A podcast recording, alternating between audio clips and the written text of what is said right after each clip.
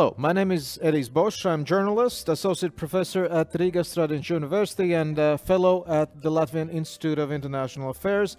I'm happy to be the moderator of this podcast that we're recording uh, here today uh, on the eternally important and eternally pressing topic on the European Union's role in the world. We are doing this podcast in the framework of this year's Riga Security Forum. This event, as almost everything else these days, has gone online. So um, it is pretty lonely here in this room where I am, I have to say, but I'm hoping all the connections are up and running and I'll be able to talk to uh, two dear colleagues of mine. Let me introduce Nathalie Tocci. Uh, she's director of Italian Institute of International Affairs and special advisor to the EU High Representative and vice president of the European Commission, uh, Josep Borrell. Nathalie, are you there?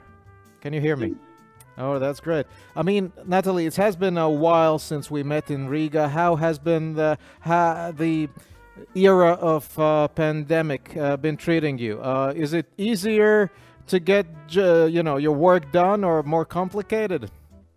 Well, I mean, you know, I think sort of we, we all went through different phases. Yeah. I mean, you know, we went through the first few months of, uh, you know, sort of discovery of the digital world that we'd been talking about so much, and it, and it never really happened. And all of a sudden, it had to happen. Uh, and there was that sort of moment of, oh my God, I can get so much done, and I can be in sort of Beijing and Paris the same day. But to be honest, I think now we're in a different phase in which we would so love to actually see one another right. make all the world of a difference.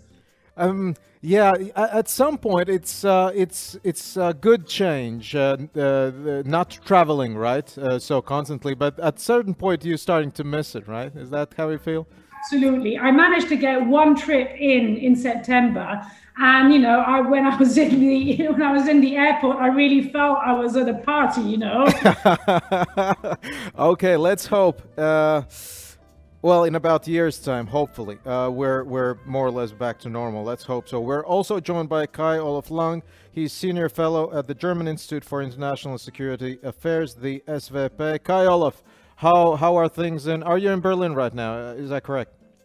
Yes, uh, to be more exact, I live at the outskirts, uh, which is already the federal state of Brandenburg. So I have the privilege uh, not to be stuck in a big city, but I can go out for a walk or a, or a bike tour, which helped me quite a lot, especially during the first wave of the pandemic.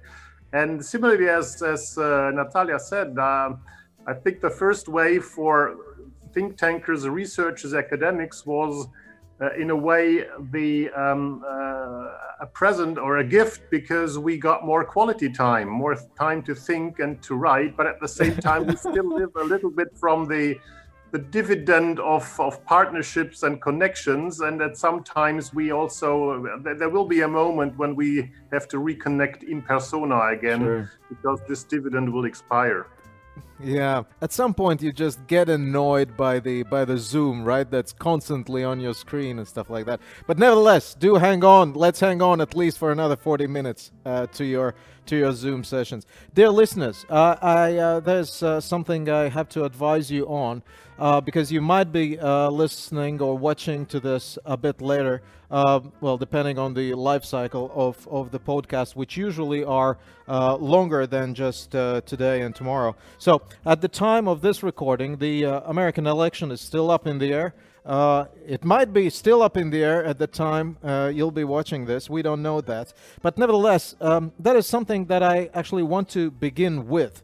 Um, Nathalie, I'll begin with you. Uh, what do you see as the main effects uh, of the four years of Trump on the trajectory of the development of the European Union as a foreign and security policy actor? Well, I mean, you know, I think uh, the last four years were the first time that Europeans really began recognizing that the old world was was going, and perhaps it had already gone. And by the old world, what I mean is, you know, that uh, wonderful international liberal order that we've all been talking and, and writing about so much uh, and that indeed did secure sort of peace and prosperity in Europe, first obviously in Western Europe, and then after the end of the Cold War uh, across uh, the continent. And, and, and all of a sudden, obviously, it was a system that was very much premised upon US uh, hegemony. US uh, hegemony and US partnership and an alliance. And of course, in many respects, some of those aspects are, are still in place. But the last four years of Trump really, I think, made us realize that that, that system was, was going and that, um, you know, we were entering a different era uh, in which we have to learn how to assume greater responsibility for ourselves. Now, that doesn't mean to say that our wish is to do things uh, without or let alone against the United States, but we simply have to start factoring in that there will be aspects uh, and issues and goals and interests that are simply not shared across the Atlantic.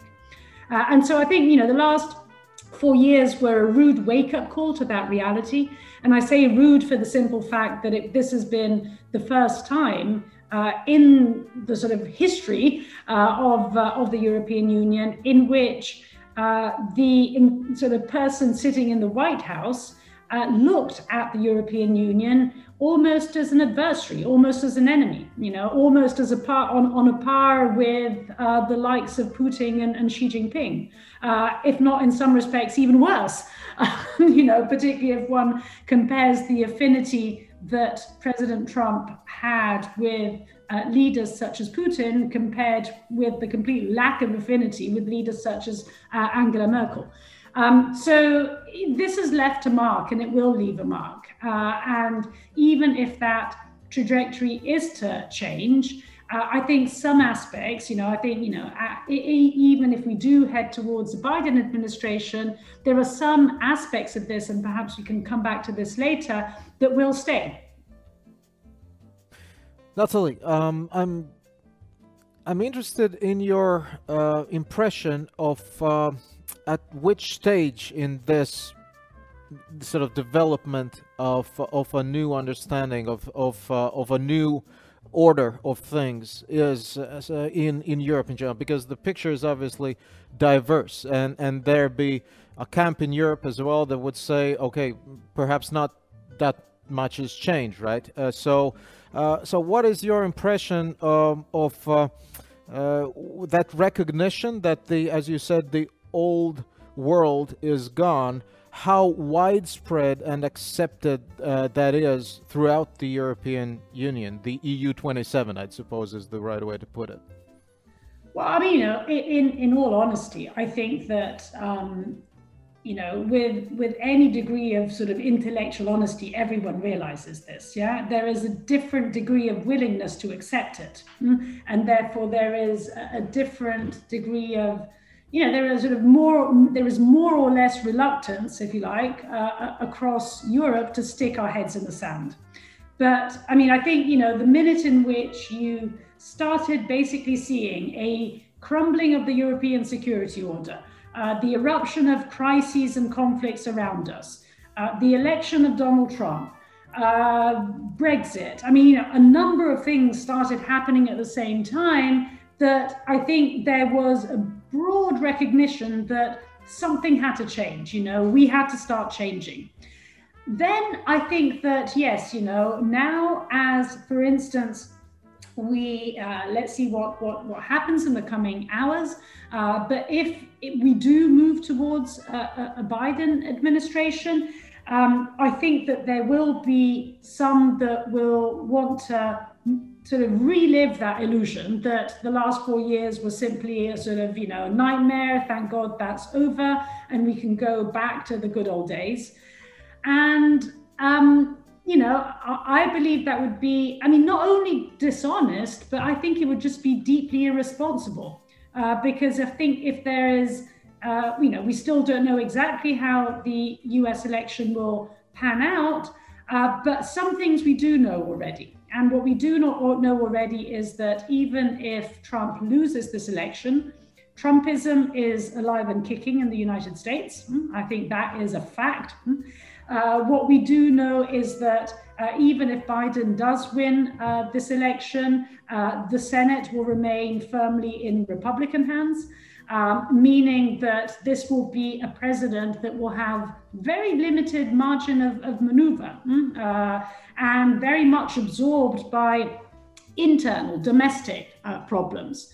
Um, the, what we also do know is that the confrontation with China is going to remain unchanged, uh, regardless of who wins uh, the election. In many respects, one could even see that under a Biden administration, that confrontation would deepen even further for the simple reason that uh, a Biden administration would probably care far more genuinely uh, about issues like human rights, Hong Kong, Taiwan, uh, and there would be far less willingness to, in a sense, strike the deal with authoritarian leaders that President Trump seemed to be so inclined to do. Then he didn't quite manage to do it, yeah, but the inclination was was there.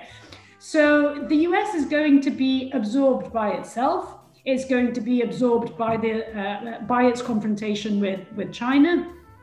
Uh, it is going to be uh, still struggling with a deeply polarized society that will have to be sort of bridged. Uh, it is. It will have to deal with an electoral system that has uh, revealed all its weaknesses, uh, with big question marks on does the separation of powers still hold? Let's see how uh, the, the, the sort of you know the courts uh, behave in the coming weeks. So this is going to be a United States that is going to be preoccupied with itself and with China. It is not going to be preoccupied primarily with Europe. And so, as I said, there may be different degrees of willingness to recognize this in Europe because politically, um, it is not easy. It is not easy for us. I mean, let's face it. But I think with any degree of intellectual honesty, we more or less have to all be on the same page that something here is, is changing, and it has started changing across administrations. Kai Olaf, um, are we on the same page here? Uh, do you share uh, this analysis that uh, Nathalie just offered us, and and your thoughts on on uh, sort of degrees in Europe among European countries and different institutions of the recognition and or acceptance of a, of a uh, necessity uh, for a new way of doing things? I think there is a general understanding that uh, things have basically changed and that there will be no return to the golden era of transatlanticism, for example. But I think the uh, the assessment of what this means, what implications this has, how to organize relations with the US is uh, substantially different. Uh, and this has something to do how we have perceived what has been going on in the four in the last four years. I think there were basically three hallmarks of um, the Trump administration and the way it did international relations. And uh, maybe much of that is not completely new. It's part of what Robert Kagan uh, uh, described as the, the jungle which grows back. So disorder and chaos has been also present in international affairs uh, before the Trump era, but was was uh, what has caused unease or even shocked the Europeans is that we, as the closest partner, the traditionally closest partner of the U.S., have felt uh, some of the of the new elements, and I think it's especially three elements which have uh, been uh, which has which have come as a as an as a, as a surprise for for Europeans. The first one, um, the first element uh, of the modus operandi of, of, of the Trump administration, especially of the president himself, is something I would call permanent permanent unpredictability. So um, unpredictability, I suppose, can be very effective so surprises can lead to productive confusion, especially in dealing with, uh, with difficult uh, partners and rogues. However, uh, unpredictability can of course also be a jeopardy for, for partners and reliability. Let's remember the uh, uh, the, the, the, the, signals which uh, the Trump administration sent to the Kurds in autumn 2019, uh, who deemed themselves as close allies of the US. And uh, in a rather kind of unexpected uh, way, uh, Trump changed the attitude. And I suppose that in some European countries, close allies to the US, this has caused um, shivers running down the spines because uh, uh, they might have felt uh, what could happen to them in a worst case scenario uh, in the future. Uh, the second, I think, the second hallmark of, of Trumpism is a sort of explicit disdain for multilateralism, um, which were seen not as frameworks which were fostering prosperity and peace, and not even which is legitimate for especially great powers as a power amplifier for national interests, but they were increasingly seen as a restriction.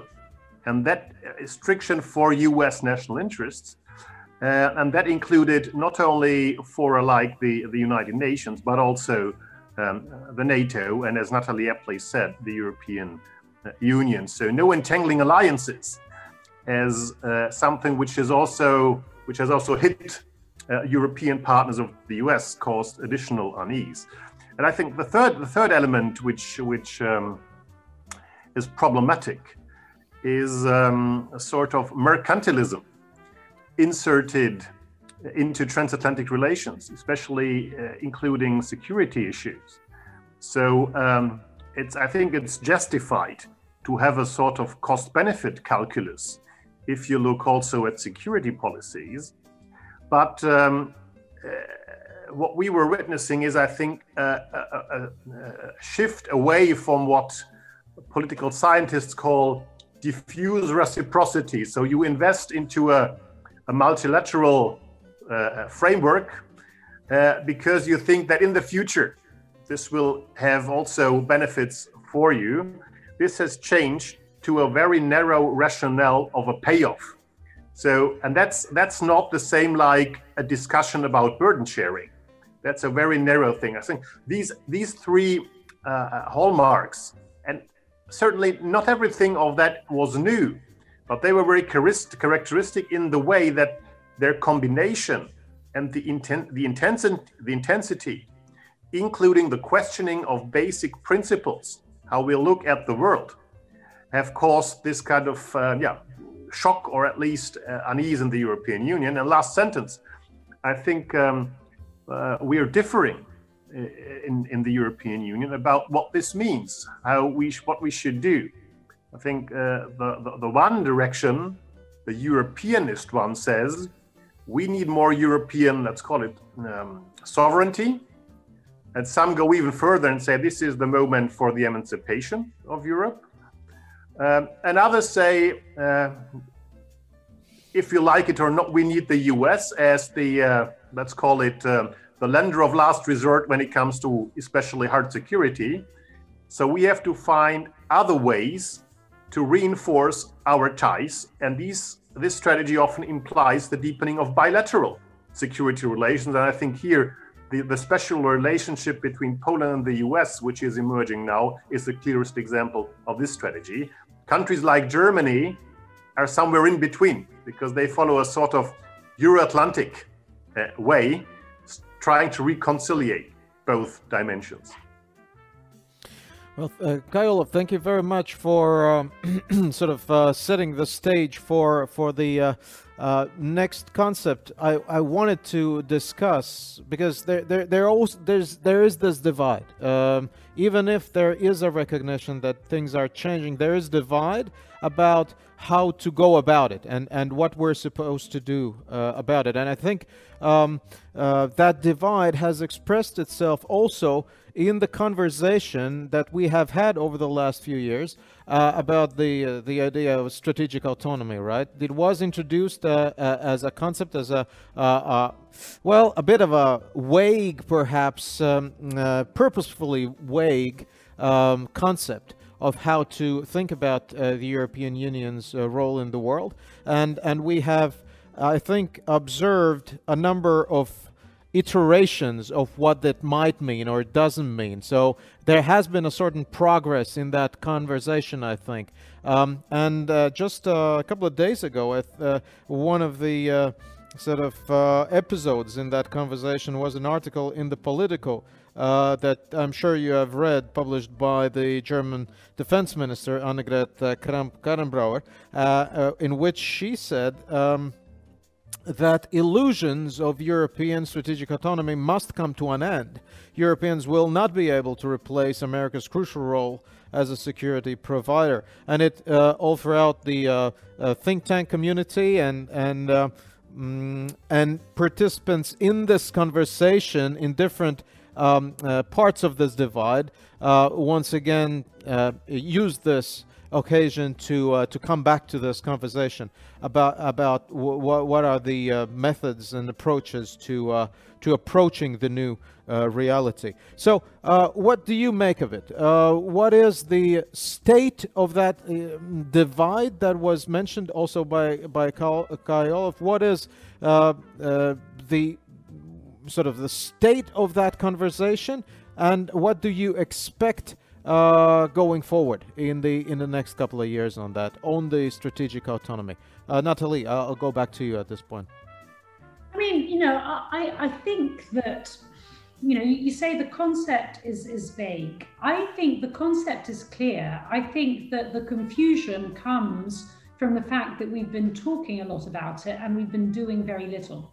Uh, and this uh, ends up meaning that given that there isn't a concrete uh, sort of manifestation about what is it that we mean by strategic autonomy, it, it gives rise to sort of widely different uh, perceptions. So I think, you know, the concept is clear. And, and the concept, you know, to me, you know, I sort of go back to words, you know, what, what do words mean? And autonomy, uh, you know, if we go back to the Greek etymology of the word, uh, it is about auto, no? so it's about the self. And it's about nomos, it's just about law. So it's the ability of the self to live by its laws. Mm? Uh, no more, no less than that. Now, what are these laws as far as we as Europeans are concerned? Well, there are domestic laws of member states, they are European laws, given that we are in the European Union, and they're international laws, huh? uh, given the supremacy of, uh, of international law.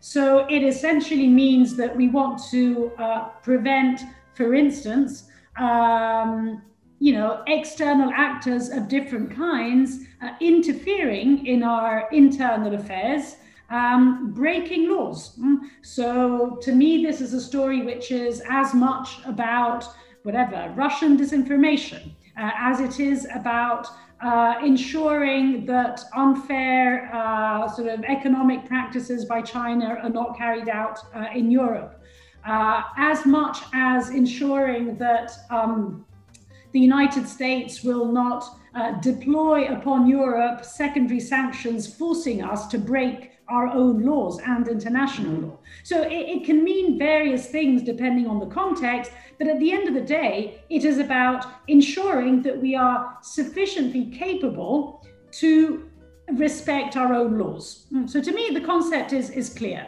Now, does that concept mean that we have to always do this alone? No. Uh, does it mean that we have to do it against anyone in particular? No. It will depend on the circumstance. So, given, you know, if we sort of look at it in, in our specific context, it is obvious that our preference will be to act autonomously with the United States because this is basically who we are. Uh, in the same way as it is obvious that we will try and act autonomously always in a multilateral setting, because this is about who we are. This is about the way in which we're used to doing things. So, to me, there isn't really much confusion about the concept itself. The reason why the debate has become so polarized is that we've been talking a hell of a lot about this, and frankly speaking, we've been doing very little. Uh, and so, given that there isn't very much action underpinning the concept. Uh, yes, you know, there was a sort of movement that started, I would say, between 2016 and 2018, in which the European Union indeed did start putting in place a number of instruments and mechanisms. You know, we agreed on PESCO, we started uh, discussing a European Defence Fund, we started uh, putting in place, you know, the sort of foundations for military mobility. Uh, we started establishment, uh, establishing a military planning and conduct capability. So we started doing a number of things, but these things were, in a sense, I would say preparatory actions. Hmm? So it is about setting up the instruments, the mechanisms that would enable us to do something. Now, has this doing something actually happened? I don't see it. I don't know about you. I, I, don't see much of it. And given that the doing has not really happened yet, and maybe I'm being a little bit too, um, you know, sort of harsh about this, given that these things take many years to actually happen, but still, you know, I think, you know, one could be doing a little bit more given that there is a hell of a lot of preparation for things, for, you know, crises that may happen, except the crises have already happened and, and, and the action doesn't really seem to be happening. And I think that given that there is this mismatch between how much we talk about it and how little we do about it, that it inevitably gives rise then to confusion about different interpretations, which do not, um, I would say, are not rooted in the conversation about autonomy, but they predate it in the sense that, yes, we have always known that France has a particular understanding uh, of what European security and defense should be.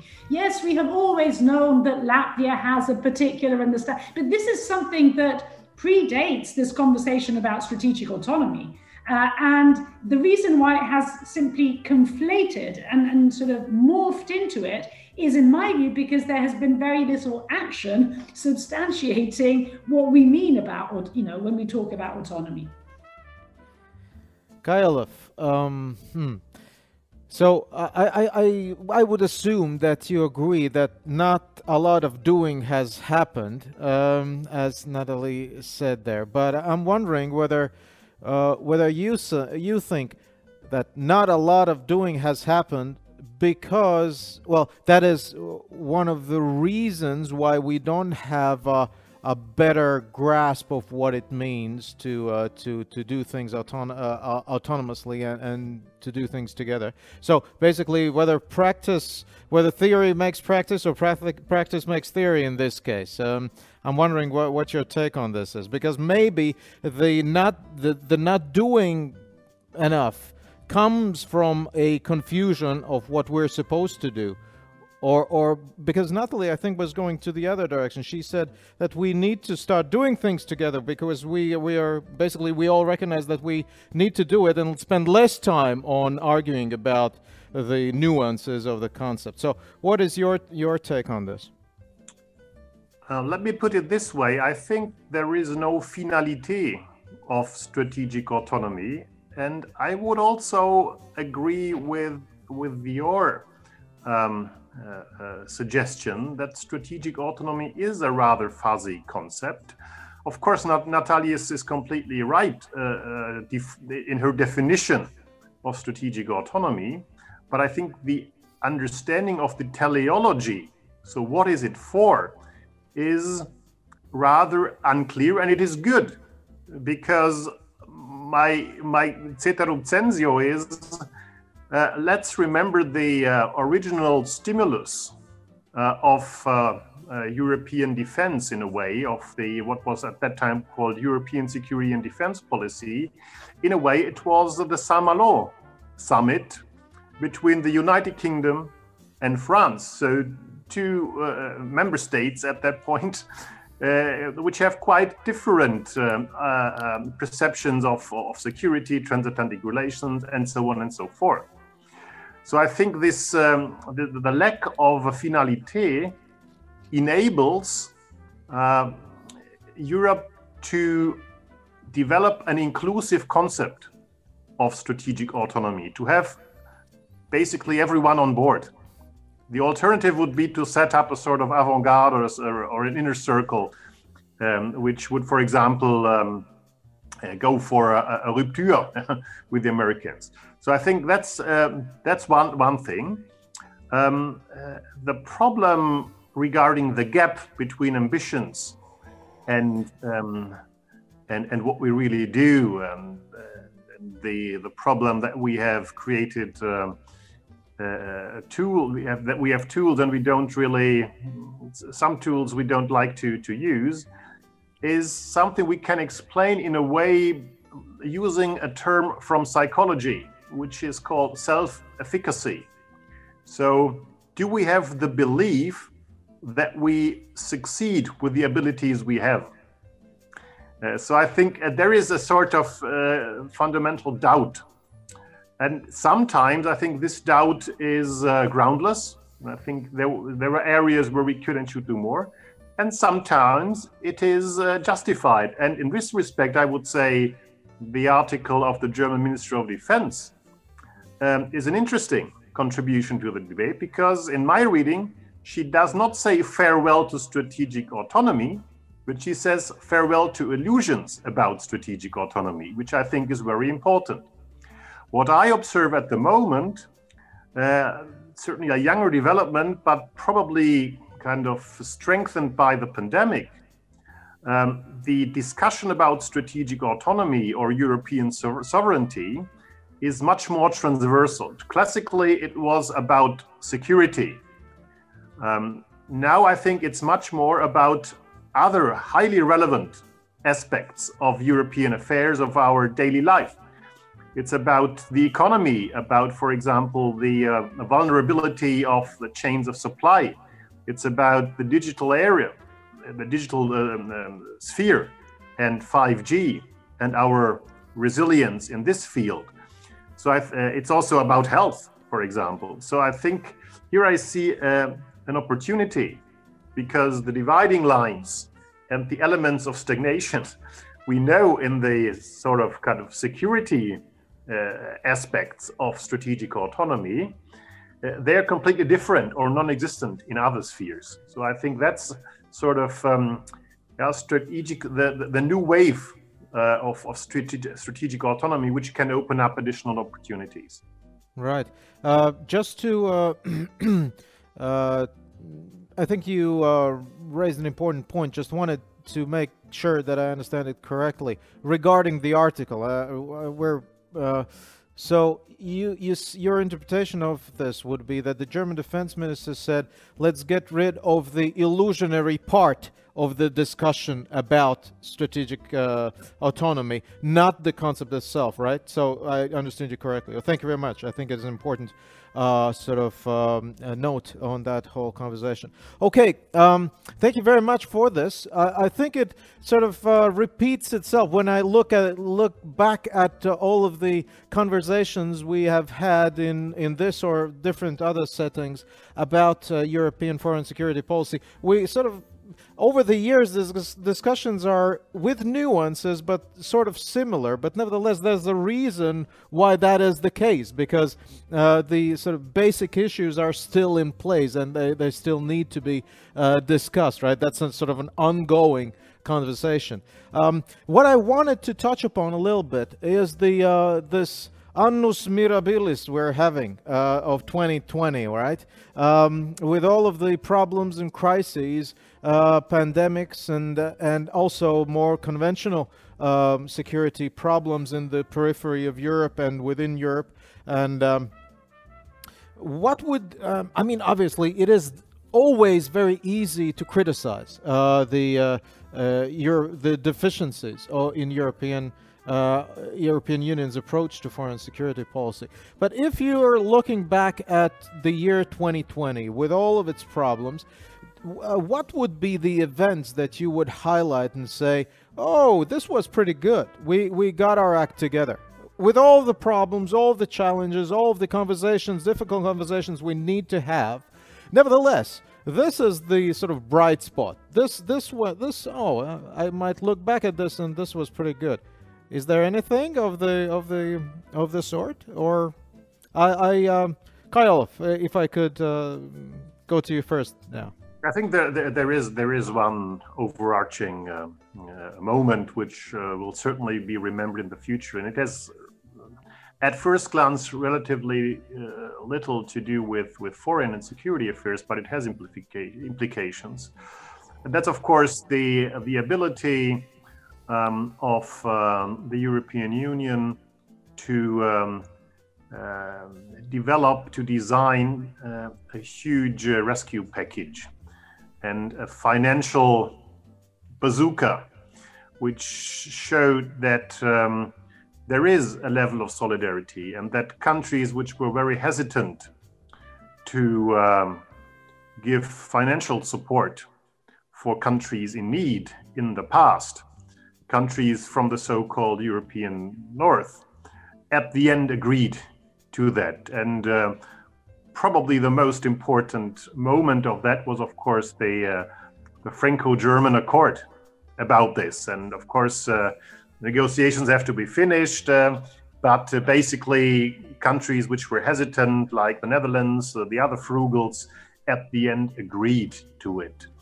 Um, and I think this was after some delay, which necessarily had to happen, probably because of the way that the European Union works that was a, a, a powerful sign uh, also to the external world that the European Union is not um, uh, hijacked and busy with uh, dogmatic uh, uh, discussions. And what surprised me especially was uh, the debate in Germany. You know, in Germany, we had completely different discussions during the financial crisis where the concept of ordoliberalism played an important role. And now Germany, uh, without without uh, for, without major doubts, um, accepted this and put it forward, and was a very constructive uh, factor at that. I think this is this was a powerful signal, um, and it has also shown that we are, of course, busy with ourselves. Uh, every country, almost every country in the world, is busy with itself due to the crisis, but we are not completely paralyzed. We're able to create the preconditions to act also um, uh, in, in, external uh, affairs. And uh, last last sentence, um, I think um, the um, the impression which emerged at the very beginning of the pandemic that the um, the, the deficiencies of EU solidarity will be used and instrumentalized by foreign powers. Uh, a buzzword at that time was China's mask diplomacy. Um, that did not really materialize. I think uh, most member states, uh, uh, uh and also the the, the, the, the, public, the societies in most member states, uh, saw where the real support comes from and what kind of symbolic aid and what the even the the intentions be, behind that symbolic aid from uh, external powers was. Uh, so Nathalie, what is was your what is your positive highlight from uh, from from this year? Uh, and also, if we want to conclude this conversation, I I would ask, uh, what would you like to find uh, under Christmas tree in terms of for for for European foreign security policy. Uh, judging from your writing on the issues uh, about one of your recent articles on Politico, uh, you you suggested that there needs to be a conversation, obviously, about abandoning unanimity on certain issues. Right, that could be something that would make this. So, would you would you think that that could be something that uh, could be found under the Christmas tree when we think about the next year and, and how this process could go uh, go on. Nathalie, please. Um, well, I mean, you know, beginning with, with, with the first first question, I mean, I'm I'm 100% with with Kai-Olaf on, on, on, this. I mean, I think that um, uh, in 2020, the European Union faced uh, a double existential threat. Uh, not only was there uh, and is there uh, this pandemic, which obviously does not affect only uh, Europe, um, but that if, as a union, we would not have stepped up in terms of, you know, providing an adequate response together to this, I think that this would have been an existential blow for the European project. simply because we had been coming out of a decade in which we had faced other crises uh, and our performance uh, out of those crises as a union was not exactly you know particularly impressive you know it was not a particularly impressive response to the eurozone crisis it was not a particularly impressive response to the so-called migration crisis had we failed a third time in terms of providing a response that was meaningful and that demonstrated concretely our solidarity, I think that as a union, we would have probably risked collapsing politically altogether. And that didn't happen. Uh, it didn't happen. It's not happening. Uh, I think that, as and I'm not going to repeat uh, the points that Kai Olaf made, but simply to add to them, uh, in saying that not only have we made a pretty momentous step forward, I think, in the integration process, um, but we have also in this way, and we will also in this way, substantiate two of the three, and then I'll come to the Christmas tree, uh, the present under the Christmas tree point, uh, but two of the three priorities that this commission uh, came to office with. You know, this commission uh, began by saying it would go green, it would go digital, and it would go so-called geopolitical, which is a term that really gives me goosebumps. I hate it, uh, but let's say it would go global. Hmm, that's the uh, I prefer to put it in these in these terms. And, and in honesty, I think that what is happening with Next Generation EU is basically substantiating two of those three priorities. You know, now we know that almost 40% of 750 billion will go to the green agenda. Now we know that a further 20% of that will go to the digital agenda. Now there is real money behind these priorities. Now, the problem is what happened to the global priority. And there, what we have seen, I think, over the months of this uh, pandemic is this global priority basically disappearing uh, somewhat from public discourse. Um, and, you know, in some respects, for understandable reasons. Uh, as you know, we were we were saying, inevitably we have been more internally focused, uh, given the very nature of the pandemic. And for the same reason, we have shifted our focus from security and defense that was really quite prominent in the debate over the last five years to a debate which is far more socio-economic in nature. Again, inevitable. Mm, I don't criticize, in a sense, uh, the union for doing this because it's simply the, the historical moment that we're at. And yet, as we know, the, the insecurities in and around us continue to be uh, uh not only prominent, but they continue to increase.